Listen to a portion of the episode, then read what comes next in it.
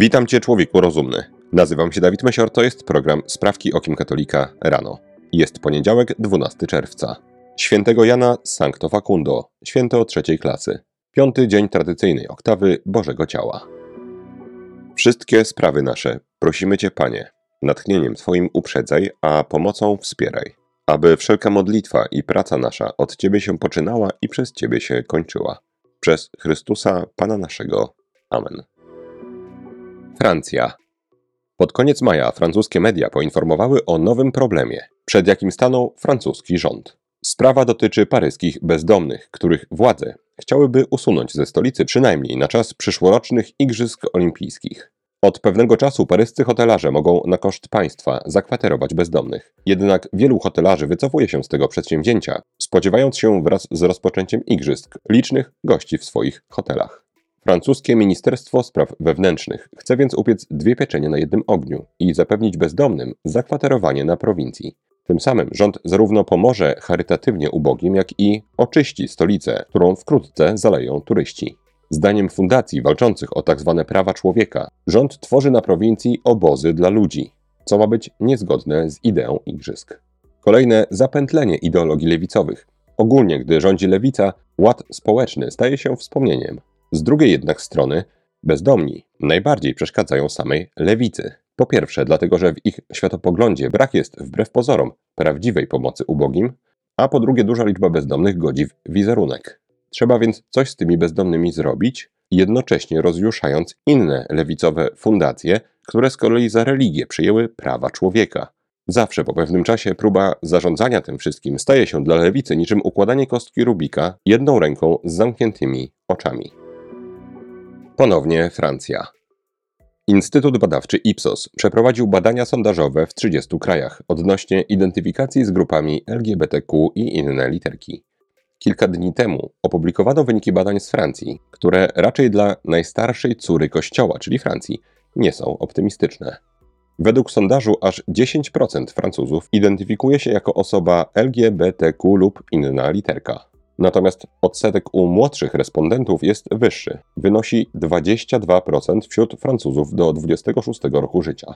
Pomyślmy, co na świecie było jeszcze powiedzmy 10 lat temu. Teraz, idąc przez zatłoczoną ulicę gdzieś we Francji, możesz zakładać, że co piąta mijana osoba identyfikuje się jako LGBTQ lub inna literka. W badaniu zapytano także o stosunek do tzw. Tak małżeństw jednopłciowych. W raporcie czytamy, że aż 66% Francuzów popiera para małżeństwa, a 67% z nich twierdzi, że powinny mieć dokładnie takie same prawa jak małżeństwa naturalne. Mieszkańcy Francji twierdzą także, że tzw. Tak osoby transpłciowe spotykają się ze znaczną dyskryminacją, a aż 77% odpowiedzi wskazywało, że takim osobom należy się specjalna ochrona w zakresie pracy czy mieszkalnictwa.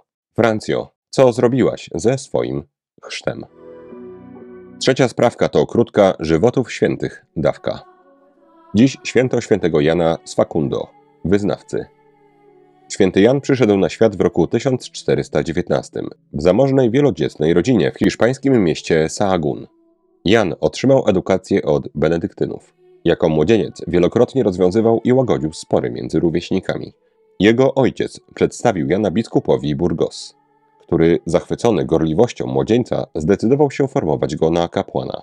Po przyjęciu święceń Jan został także kanonikiem w katedrze w Burgos.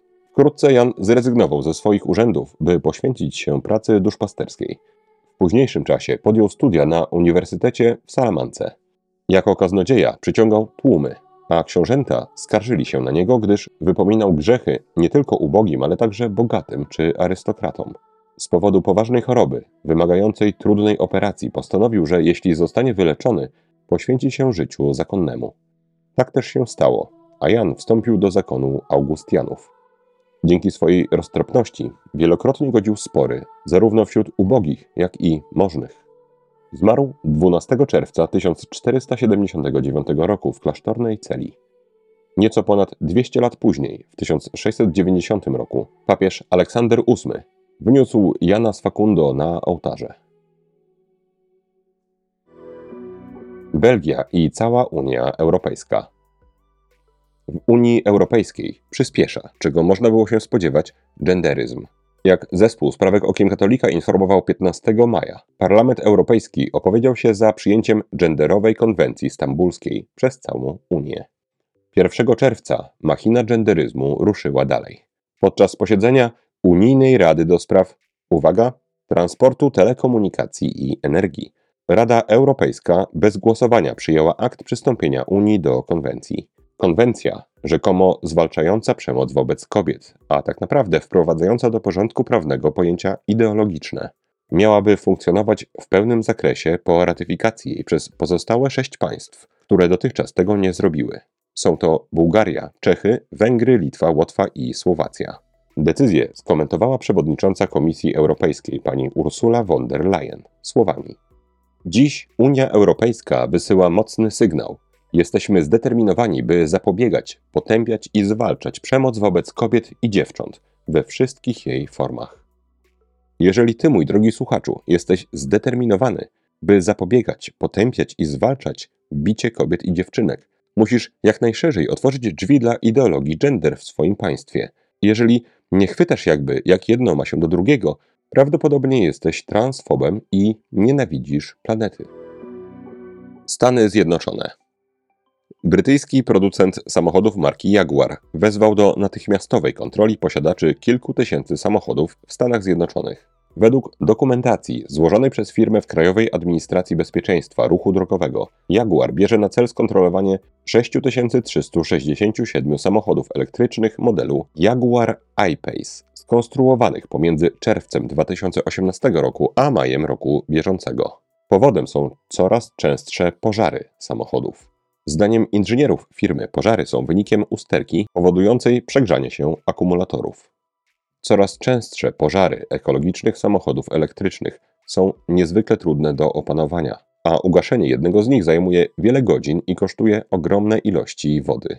Niektórzy, ale to prawdopodobnie są faszyści, transfobi, może katolicy lub jakaś mieszanka powyższych, twierdzą też, że gdy przez wiele godzin płoną sobie na ulicy akumulatory, to również nie jest być może, to jest tylko taka nieśmiała teza, aż tak bardzo ekologiczne. Iran. Jak donoszą brytyjskie media, w Iranie działalność rozpoczną specjalne, milicyjne patrole antyaborcyjne. Ich zadaniem będzie walka z coraz silniejszym aborcyjnym podziemiem. Pan Sabre Jabari Faruji z irańskiego Ministerstwa Zdrowia ogłosił niedawno operację NAFS, co w języku perskim oznacza życie. Zapowiedział surowe kary za przeprowadzanie nielegalnych aborcji. Egzekwowaniem antyaborcyjnej inicjatywy rządu ma zająć się milicja Basij, od wielu lat odpowiedzialna za utrzymywanie bezpieczeństwa wewnętrznego w Iranie. Rocznie w wyniku aborcji śmierć ponosi około 10 tysięcy irańskich dzieci. Głównym powodem wypowiedzenia wojny podziemiu nie mają w przypadku Iranu podłoża moralnego, ale są wynikiem dużych problemów demograficznych kraju. Władze Iranu postanowiły także zakazać finansowanej z budżetu państwa wazektomii, a także dystrybucji większości środków antykoncepcyjnych czy pigułek aborcyjnych. Polska.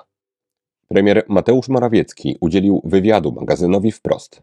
Zapytany, czy wyrok Trybunału Konstytucyjnego z października 2020 roku zakazujący aborcji eugenicznej pozbawił kobiety wyboru, odpowiedział: po pierwsze, zawsze byłem i nadal jestem zwolennikiem kompromisu aborcyjnego w takim kształcie, w jakim funkcjonował przez te prawie 30 lat.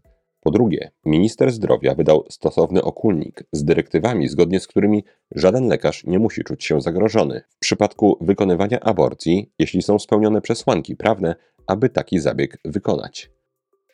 Choć ostatnio uznałem, że z większym pożytkiem dla mnie i dla mojego zespołu, ale przede wszystkim dla naszych słuchaczy, będzie unikanie w sprawkach okiem katolika jakiegoś bardzo ożywionego komentowania polskiej polityki. Natomiast ten wywiad z panem premierem Morawieckim trochę wbił nas w fotel.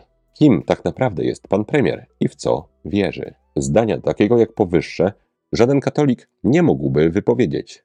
Natomiast już abstrahując od pana Morawieckiego, byłoby z wielkim pożytkiem dla kraju, gdyby każdy polityk, który użyje słowa zabieg w odniesieniu do aborcji, był zupełnie bezprzenośni, obrzucony zgniłymi jajkami, względnie pomidorami. To jest hańba. Ostatnia sprawka to krótka rozprawka. Dziś o wypoczynku. To kolejna rozprawka wypływająca wprost z mojego bogatego, pełnego nieumiejętności doświadczenia. Nigdy nie umiałem odpoczywać. Czy znaczy to, że zawsze pracowałem i nigdy się nie leniłem? Niekoniecznie, wręcz przeciwnie. Leniłem się w swoim życiu całkiem sporo. Problem polega na tym, że nawet koncepcję leniuchowania dzisiejszy świat nam podmienił. Zmęczony po całym dniu pracy, nalewasz sobie lampkę wina i siadasz do ulubionego serialu. Odpoczywasz, lub przynajmniej tak ci się wydaje. Czujesz ulgę. Owszem, ponieważ serial zatrzymuje gonitwę myśli. Daje ci też przyjemność, uczucie relaksu. Mowa nie tylko o serialach. Wchodzisz na media społecznościowe i scrollujesz. Scrollujesz, serduszkujesz, komentujesz, sam tworzysz wpis, umieszczasz zdjęcie. Czujesz ulgę, relaks. Jeżeli nie media społecznościowe, to może gra. Konsola, komputer, smartfon, pół godzinki, góra cztery, gry sportowej, strategicznej, przygodowej, czy też jednej zyskujących niesamowitą popularność gier na smartfona, gdzie przesuwasz, łączysz jakieś kryształki, diamenty, żeby one połączyły się z innymi, zniknęły. Ping, dostajesz punkty. Czy ja właśnie twierdzę, że te rzeczy są same w sobie złe? Nie. To jest przyjemność i relaks. Natomiast rozprawka jest o tym, czy to jest odpoczynek. Ktoś odpowie: Dla mnie tak. Tylko, że takie sprawy nie zależą od naszej decyzji. Wszystko wskazuje na to, że jednak ekrany nie pozwalają odpocząć mózgowi. U siebie obserwacje te czyniłem przez wiele lat i zaczęły się dosyć przypadkowo, gdy zaczynałem czuć przemęczenie umysłu, obniżenie nastroju. Od razu, co wydawało mi się logiczne, postanawiałem mniej pracować i więcej odpoczywać. A że za odpoczynek uznawałem wtedy film, serial, to gdy chciałem pomóc sobie w przemęczeniu umysłu, Zwiększałem ilość tego w cudzysłowie odpoczynku przy filmie czy serialu. Obserwowałem, że nic się nie poprawia. Co się ze mną dzieje? Być może się starzeję. Przecież relaksuję się coraz więcej, a czuję się coraz bardziej zmęczony. Kilka razy natomiast, y, raczej przez przypadek, po dniu pracy byłem na spacerze lub już nawet nie pamiętam z jakich motywacji. Zamiast ekranu poczytałem książkę. Pewnie myślałem sobie, cóż to niby za relaks. Nie zdążyłem obejrzeć ani jednego odcinka serialu. Jednak następnego dnia budziłem się w odrobinę lepszej formie. Kolejnego dnia nadrobiłem zaległości z poprzedniego i obejrzałem dwa odcinki. Mój ulubiony relaks wrócił. Tym razem jednak kolejny poranek przywitał mnie znowu, zmęczonego i średnio chętnego. Teraz skrócę tę opowieść. Po wieloletnich obserwacjach samego siebie dość dobrze poznałem cały ten system, jaki stanowią moje ciało, mój mózg i moja psychika. Wieczór z multimediami to być może relaks, ale to nie jest odpoczynek. Odpoczynkiem jest coś, co być może nawet relaksem się nie wydawać. Spacer, zmuszenie niemal swego wzroku, żeby spoczął na jakimś widoku. Na drzewach, na niebie, na morzu, na kwiatku. Być może, a nawet z pewnością na początku wydaje się to naprawdę średnio interesujące. Podobnie jak czytanie książki zamiast oglądania serialu. Natomiast gdy człowiek to robi, przynajmniej ja, zawsze w takich przypadkach idę na przykład pół godziny wcześniej spać. Rano budzę się z zapałem i przede wszystkim z takim od razu poczuciem sensu, którego w ogóle nie mam, kiedy sobie zasnę, na przykład przy ekranie. Na koniec anegdota. Był ponoć kiedyś klasztor sióstr klauzurowych, z którego do opata płynęło bardzo dużo pełnych zażaleń listów. Siostry kłóciły się. Jedne pisały na drugie, że tamte opętał zły duch. Tworzyły się obozy, wzajemne podgryzanie. Niektóre siostry rozważały odejście. Opat wysłał tam starego zakonnika na obserwację. Po trzydniowej wizycie zakonnik złożył opatowi raport. Jest tam nerwowo i depresyjnie. Siostry, liczne, więc nie jest to złamanie tajemnicy spowiedzi, spowiadały się z nienawiści do innych sióstr. Opat na to, czy radzi mi ojciec podzielić klasztor, część sióstr wysłać do innego, tym sprowadzić nowe siostry. Zakonnik odpowiedział: Pozwoliłem sobie napisać już swoje rekomendacje i położył przed opatem kartkę. Było na niej napisane jedno zdanie. Zalecam zwiększenie czasu snu wszystkim siostrom o 30 minut i o kolejne 30 minut obowiązkowy czas na świeżym powietrzu. Opat posłuchał zakonnika. Gdy ten po trzech miesiącach znów wizytował klasztor, zastał siostry pogodzone atmosferę, jakby to było zupełnie inne miejsce, bez nerwów i napięć, a w oczach jakby pokorniej noszących się sióstr te iskierki radości, tak charakterystyczne dla zakonnic żyjących harmonijnie. Mój drogi słuchaczu, jestem ciekaw, czy zgadzasz się z tą tezą. Umiejętność odpoczywania jest czymś zasadniczym dla wszelkich naszych postępów. w życiu duchowym, rodzinnym i zawodowym. Jeżeli ją posiadasz, ciesz się. Jeżeli podobnie jak ja masz z nią problemy, może nauczmy się jej razem. To na dzisiaj wszystkie sprawki okiem katolika rano. Jeżeli chcesz mi pomóc, daj proszę łapkę w górę pod tym filmem na YouTubie i napisz komentarz. Życzę Ci błogosławionego dnia. Święty Janie z Facundo, módl się za nami. Człowieku rozumny, trzymaj się, nie łam się i bardzo Ci dziękuję za Twój czas. Mam nadzieję, że do usłyszenia jutro. Zostań z Panem Bogiem.